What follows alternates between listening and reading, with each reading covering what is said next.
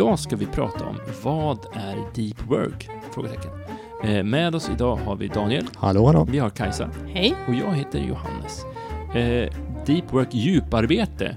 Eh, man kan tänka sig att det är arbete som görs på en ubåt, men jag tror inte att det är det. Daniel, vad är deep work? Det skulle säkert kunna göras på en ubåt. Med fördel kanske till och med. Ja, kanske med fördel till och med. Det är en bok eh, skriven av en amerikansk författare som heter Cal Newport. Eh, den finns inte på svenska än. Ehm, den kommer nog att komma på svenska, för det är den typen av amerikansk eh, litteratur som gärna översätts och landar på bästsäljartoppen på, på eh, Pocket Shop och liknande. Ehm, han, han pratar om konceptet deep work och han pratar om det utifrån egentligen hur ser vi kommer att prata om det, vad är, vad är konceptet deep work, men han pratar om det utifrån egentligen vad är möjligheten till framgång i framtiden. Eh, hur kommer framtidens arbetsliv att se ut? Och han går på spåret om att ja, men, saker och ting kommer att automatiseras mycket mer. Sådana här lågintensiva jobb som är av, av logistisk typ, vända papper och liknande. Sådana saker kommer i allt högre grad automatiseras.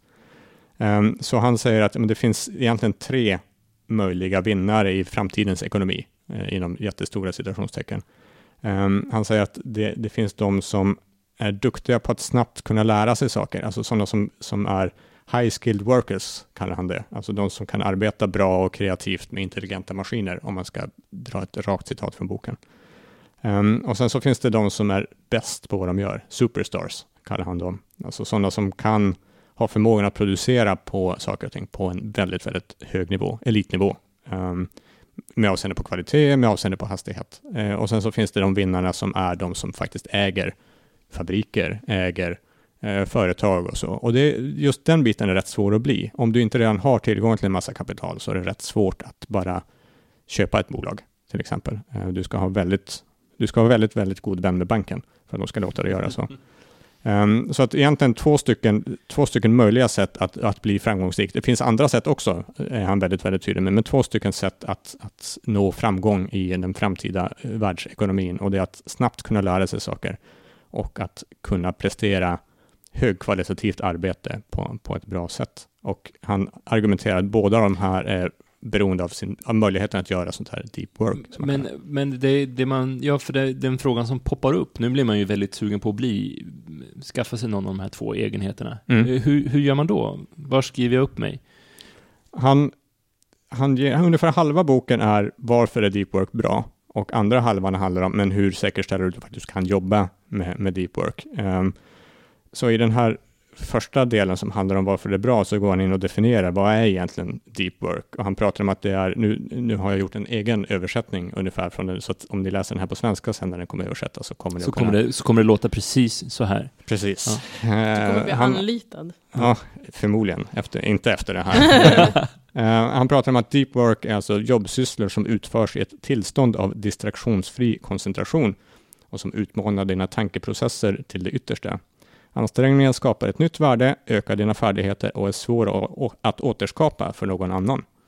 Alltså, jag tycker det var bra välöversatt. Mm, tack, Mm. tack, tack, tack. Varsågod. Uh, det här kan då ställas i, i motsats till det han kallar för shallow work. Alltså Grundarbete. grund, eller, grunt i alla fall, eh, som är då ej utmanande sysslor, ofta av logistisk natur, alltså pappersvändande och sådana saker. Eh, ofta utförda under distraktion. Sysslorna skapar inte så mycket nytt värde och är lättare att återskapa för någon annan, eller för någon annan att göra.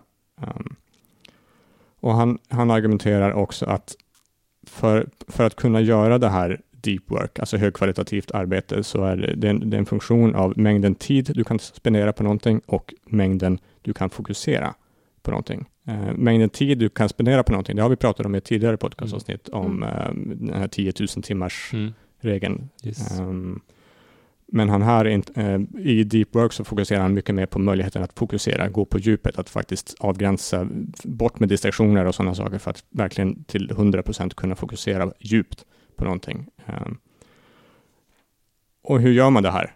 Andra halvan av boken. Um, det kräver övning, argumenterar han för. Att det, det här med, framförallt att inte låta sig distraheras, är någonting som kräver övning och vi är rätt dåliga på det i dagens samhälle. Vi har övat ganska mycket på att bli distraherade. Och vi är lite eh, kopplade för att alltså distraktioner är någonting som hjärnan kanske Gillar. inte gillar, Mm. men som gärna i alla fall uppmärksammar, för distraktioner kan betyda någonting som kan vara farligt för dig. Att det prasslar i buskarna är någonting som du ska lägga uppmärksamhet på, för det kan innebära att du dör. Eller Inom- mat. Eller mat, precis. Så det är någonting, distraktioner Kan vara är positivt också. Absolut. Mm. Så distraktioner är någonting som är, som hjärnan slurpar i sig och tar till sig. Och eh, mycket av de spel och sociala medier och sånt just nu är liksom. Absolut. Det finns en, en jättebra bok som vi inte ska prata om idag, som heter Hooked, som, som pratar om just hur byggs eh, moderna appar, hur byggs moderna kommunikationsmedier som Twitter och sådana saker, för att faktiskt hålla fast det. Vilka, det. vilka grejer finns det i hur du ger återkoppling till, nu har du inte varit på våran tjänst på två veckor, åh det. vad synd det är om oss, att du inte, hatar du oss? Ja, vi installerade Instagram från min telefon och nu får jag jättemånga trevliga mejl från dem. Mm. Titta vad intressant Mm. alla andras liv är. Jättespännande. Eh, Så att öva på att inte distraheras, och det är svårt, koncentration kräver övning, och att han argumenterar för att testa att vara uttråkad någon gång. Istället för att plocka upp telefonen när du känner att men nu är jag lite uttråkad, var uttråkad.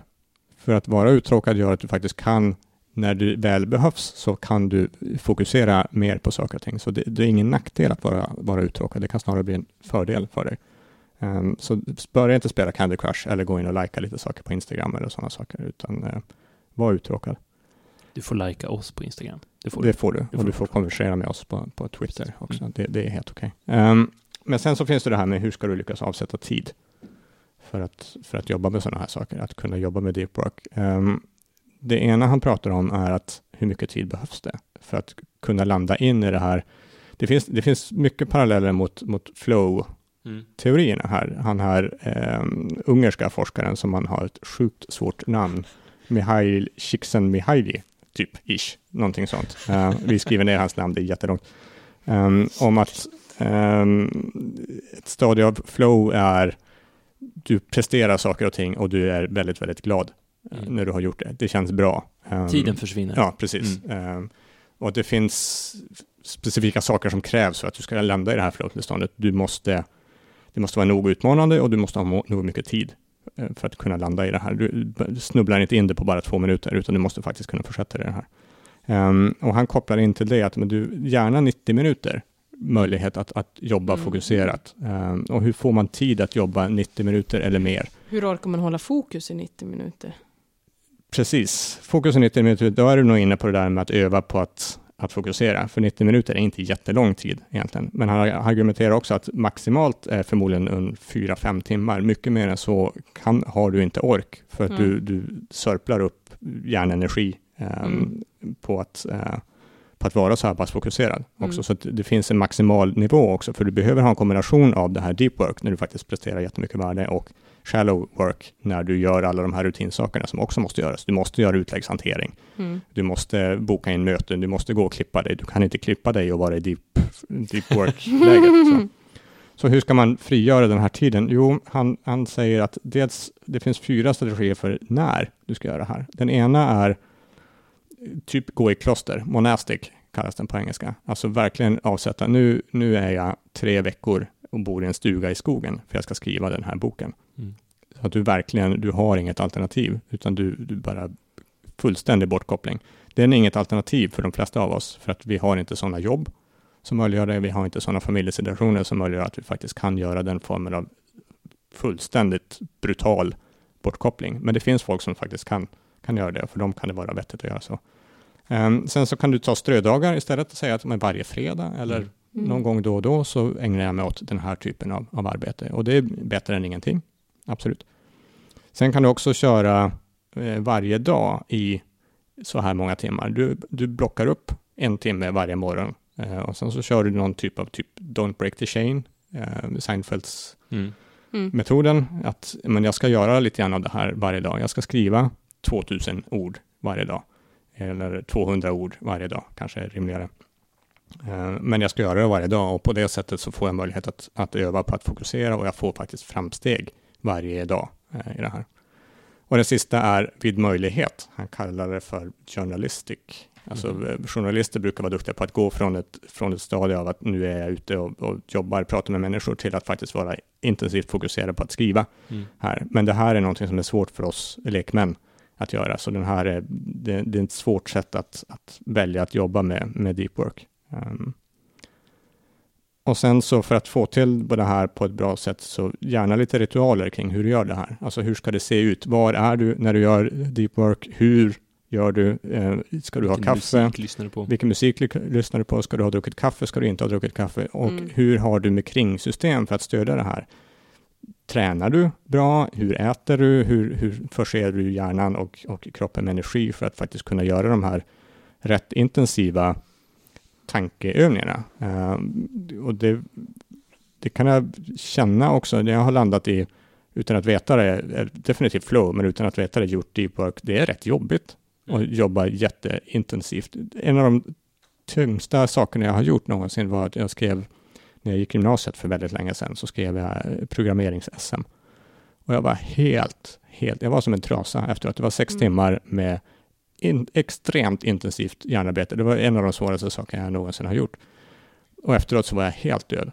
Fysiskt och mentalt. Och jag hade ju inte, jag hade suttit och skrivit kod. Mm. Ingenting mer än så, men jag var Hur svårt helt kan det vara? Ja, Mm. precis. Men där var det så här, det var, det var definitivt deep Mm. work under, under rätt lång tid dessutom. Um, för mig var det rätt intressant att läsa den här boken. Um, framförallt, um, det, det fanns något, det klickade till det här med att men just det här, det positiva att jobba på det här sättet, att känna att någonting blir gjort. Att, Mm. f- att fullständigt kunna hänge sig till en arbetssyssla och, och gör, jobba Se med det här resultat. under två timmar, se ett resultat definitivt av det, få bort med distraktioner och sådana saker. Det här är det enda, det här är det absolut viktigaste jag gör just Mm. nu. Och för mig i alla fall så finns det en, en enorm tillfredsställelse att jobba på det sättet. Mm. Och jag har insett att som jag har byggt mitt liv just nu, så har inte jag riktigt byggt möjligheten att göra sånt här. Jag har alldeles för mycket distraktioner i arbetsmiljön, på mitt Mm. jobb. Vi sitter i kontorslandskap. Mm. Eh, kontorslandskap kan vara bra, argumenterar han. Han är väldigt mycket för För lite, Både och, ja, liksom. precis. Ja. Jag vet att du är lite anti, som också läser den här boken, Johannes, lite Ja. till att han är lite så här, ja, det kanske passar för dig, men det behöver inte passa för dig. ja, det är lite så, här, mm. lite veligt sådär. Mm. Men, Eh, Men, så han argumenterar för att det kan vara bra med kontorsmiljö också. Mm. Men generellt sett så brukar det inte vara bra. Men eh, det största syftet med det här, det var egentligen, egentligen inte att få saker gjort, utan att, att eh, se till att man har ett jobb om 30 år. mm. Ja, för När att, alla andra snabbt får lära sig- sparken. Att l- snabbt kunna lära sig nya saker eller att excellera på det man gör. Just det. Att bli väldigt, Mm. och för att snabbt kunna lära dig mycket nya saker så måste du kunna gå in i det här läget att nu ska jag, mitt jobb just nu under de här två timmarna är att lära mig någonting Ja. extremt hårt. Och då kan jag inte ha Just det. en massa distraktioner, för då kommer Mm. jag inte att lära mig. Utan jag måste ner djupt i den här fokustratten, Mm. om det finns någonting sånt. Nu finns det någonting sånt. ehm, för att kunna ta till mig det här materialet till exempel. Det, den, den tanken attraheras jag av, liksom att det här, Mm. men jag skulle behöva kunna mer om det här området. Det blir liksom lite grann som i Matrix, liksom, now I can kung fu, liksom. Att Mm. man försätter sig i ett tillstånd där man kan kötta in mycket kunskap eller liksom producera mycket eller utmana sig själv eh, väldigt fokuserat. Det tycker jag låter Det är väldigt, eh, i alla fall de delar jag relaterar till när jag hör det här som jag har gjort, är, blir det blir väldigt effektivt. Mm. Eh, men också rätt tufft, man är till slut efteråt. Men sen tycker jag också att det kräver ju ganska mycket förberedelser. För att Absolut. kunna vara effektiv, säg att du har avsatt 90 minuter då. För att kunna vara effektiv under de 90 minuterna, då måste du kanske lägga lika mycket tid innan Mm. för att se till att allt att material underlag finns, finns. Mm. och allt så. Absolut. Absolut. Vi körde så gällande ringrace ett tag, jag jobbar ju med sälj. Mm. Eh, och då istället för att sitta och leta i CRM-systemet efter varje kunds kontakt och bestämma vem jag skulle ringa och bla bla bla, så gjorde man en hundralista med bara typ namn, företag och telefonnummer. På, på en lista med hundra Mm. namn. Och så bryr man sig inte om någonting annat och så bara ringer du, första på listan. Svarar de inte, ta nästa. Mm. Svarar de inte, ta nästa. Boka in, okej, nästa. Och så där.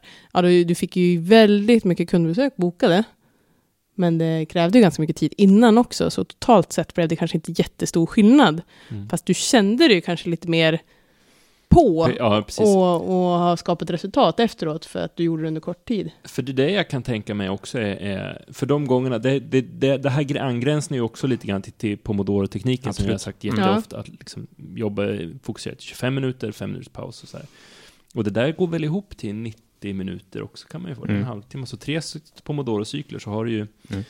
de där 90, 90 minuterna. Eh, och, men för det, för det jag märker när jag jobbar när, när jag har börjat min dag med en pomodoro-cykel eller har gjort någonting fokuserat eller har liksom gjort någonting, det är ju det att man mår så mycket bättre efteråt. Mm. Så den effekten, även fast kanske arbetsuppgiften inte blev effektivare gjord Mm. eller liksom högre kvalitet, så den effekten av att jag, Känslan. känslan av att ha åstadkommit någonting tidigt på dagen, den får ju följdeffekter under Mm. resten av dagen. Mm. Även fast jag gör så här grundarbete resten av dagen, så jag är ju där med, med ett kvittrande humör. Eh, för att jag vet att jag har gjort något väsentligt. Han pratar också om, eh, såklart, det måste man nästan göra, jag tror det är en del av grundlagen vid det här laget, att han klankar ner på multitasking, såklart, för, Mm. Det, för det måste man göra. Men han går lite grann mer in på vad är det egentligen som händer med, nu har jag inte det svenska ordet för det hela, jag har en dålig svensk översättning av det hela, alltså någon sorts residualeffekt av att, att byta fokus från uppgift A till uppgift B, så ligger uppgift A kvar och skvalpar lite Mm. grann i huvudet ett tag, innan den på något sätt rensas ut och du kan fullständigt fokusera på uppgift B. Och växlar du för fort mellan, både eh, om du växlar fram och tillbaka mellan A och B eller om du växlar A, B, C, D, E, F, G och sånt så kommer de ligga och störa varandra eh, för att du har den här residualeffekten. Ehm, och den undviker du om du faktiskt kan göra de här men 90 minuterna. Då kommer du ha residualeffekt, absolut, av det du gjorde innan. Men det är bara 20 minuter ungefär, av, eller 10 minuter av de här 90 minuterna. Så du kommer faktiskt att kunna gå djupare ner och undvika nackdelarna av, av, av multitasking-problematiken.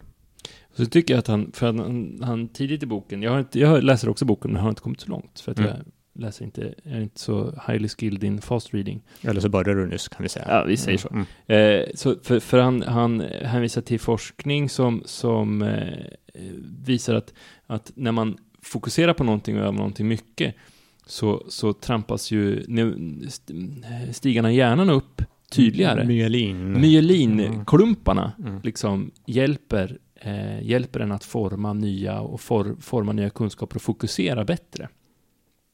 Så, så eh, att vara bra på någonting är att vara välmyelinerad Mm. eh, kring just det. Liksom. Om jag är jätteduktig på att spela blockflöjt så är liksom mina blockflöjtsneuroner i hjärnan välmyelinerade. Och det, jag gillar den, den tanken. Så Liksom. du får börja berömma folk, var väl Precis, myelinerade. kommer du få stryk på Ja. stan. Men jag tycker det, för det, det, det liksom resonerade hos mig när jag läste det, att, att det var, att liksom man, om man kan liksom eh, underlätta stigtrampningen i hjärnan. Mm. En av de stora sakerna jag tog med mig, förutom det här med att shit, det här har jag, det här var en, det här var en pusselbit till. På samma sätt som GTD-boken var en pusselbit en gång i tiden när jag läste den, så var det här lite en pusselbit för mig att ah, shit, det här har jag saknat. Inte som att det fanns en massa fräcka verktyg här, men det här vill jag åt igen. Eh, Men det fanns ett citat som var typ, ta inte avbrott från distraktion, ta avbrott från fokus istället. För att Mm, det, det. Mm. det vi normalt sett gör att vi är distraherade hela tiden, eh, Ja, nu 80 procent av vår tid, och nu ska jag fokusera. Mm. Nu ska jag lägga bort telefonen, nu ska jag stänga av tvn, nu ska jag stänga av musiken, nu ska jag stänga ute ungarna ur rummet, nu ska jag stänga in mig och fokusera. Det, Gör tvärtom istället. det tänk kanske att de... nu- ja. ja. förlåt. Tänk att nu jobbar jag, eller nu får jag faktiskt, nu ska jag belöna mig. Nu har jag en pomodoro-paus Mm. till exempel. Mm. Nu får jag titta på gulliga katter på YouTube. Det är kanske då man får till den där fyra timmars arbetsveckan. Ja, kanske. Men jag tycker det är intressant att du nämner GTD för att jag har noterat att han vänder sig lite grann mot GTD eh, Mm. mytologin höll jag på att säga. Eh, Filosofin, filosofin. eh, just det, för GTD eh, eh, predikar ju att dela upp allting i så små saker som möjligt och att göra liksom allting nästa steg. Det ska finnas ett nästa steg på allting i små bitar. Utifrån var du är just nu och vad du har möjlighet att göra. kontext, Mm. liksom, sammanhang. Så. Eh, som ni har hört i tusentals poddavsnitt som, som du har lyssnat igenom i det här laget. Men, men, och det här är ju lite, deep work är ju lite mer så här, stort sjok, jobba djupt, Ja. gå ner, du ska inte bocka av småpunkter på en lista, utan du ska gå ner och liksom göra svårt arbete Mm. länge. Mm. Och det, det hävdar, hävdar eh, Cal Newport liksom ligger eh, kontrasterande till GTD, men jag är inte så, så säker på det. Nej, jag tycker inte det jag finns den Eh, motsättningen. Han, det finns folk som argumenterar att äh, läser man GTD-boken och följer evangeliet till 100%, men då ska allt arbeta in i next action, nästa åtgärder och allting ska splittas upp i små Mm. saker och göras. Så tolkar inte jag heller det och så praktiserar jag det definitivt inte, utan jag ser att de här kompletterar varandra istället. Och, och jag tycker liksom så här, gör en, en djuparbetessession om det här projektet. Det Mm. kan ju vara en fullt möjlig nästa åtgärd, Mm. tycker jag. Eller Absolut. gör, jag har haft flera projekt där det har varit så här, gör en pomodoro-cykel av, om Mm. liksom. Mm. Eh, och så, så har jag haft det som nästa åtgärd. Och det blir ju ännu skönare, för då, är, då vet man att men det är 25 minuter. Har jag 25 minuter, då kan jag göra den uppgiften. Om jag har liksom de verktygen som jag behöver också.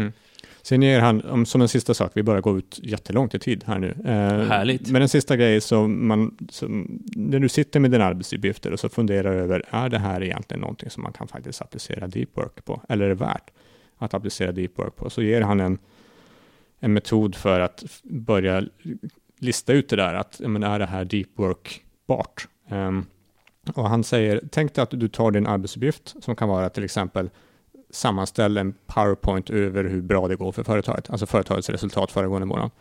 Den, ta den arbetsuppgiften och så fundera över hur lång tid skulle det ta att utbilda någon som är nyexad ingenjör eller civilekonom eller liknande, nyutexad och smart, att göra den här arbetsuppgiften.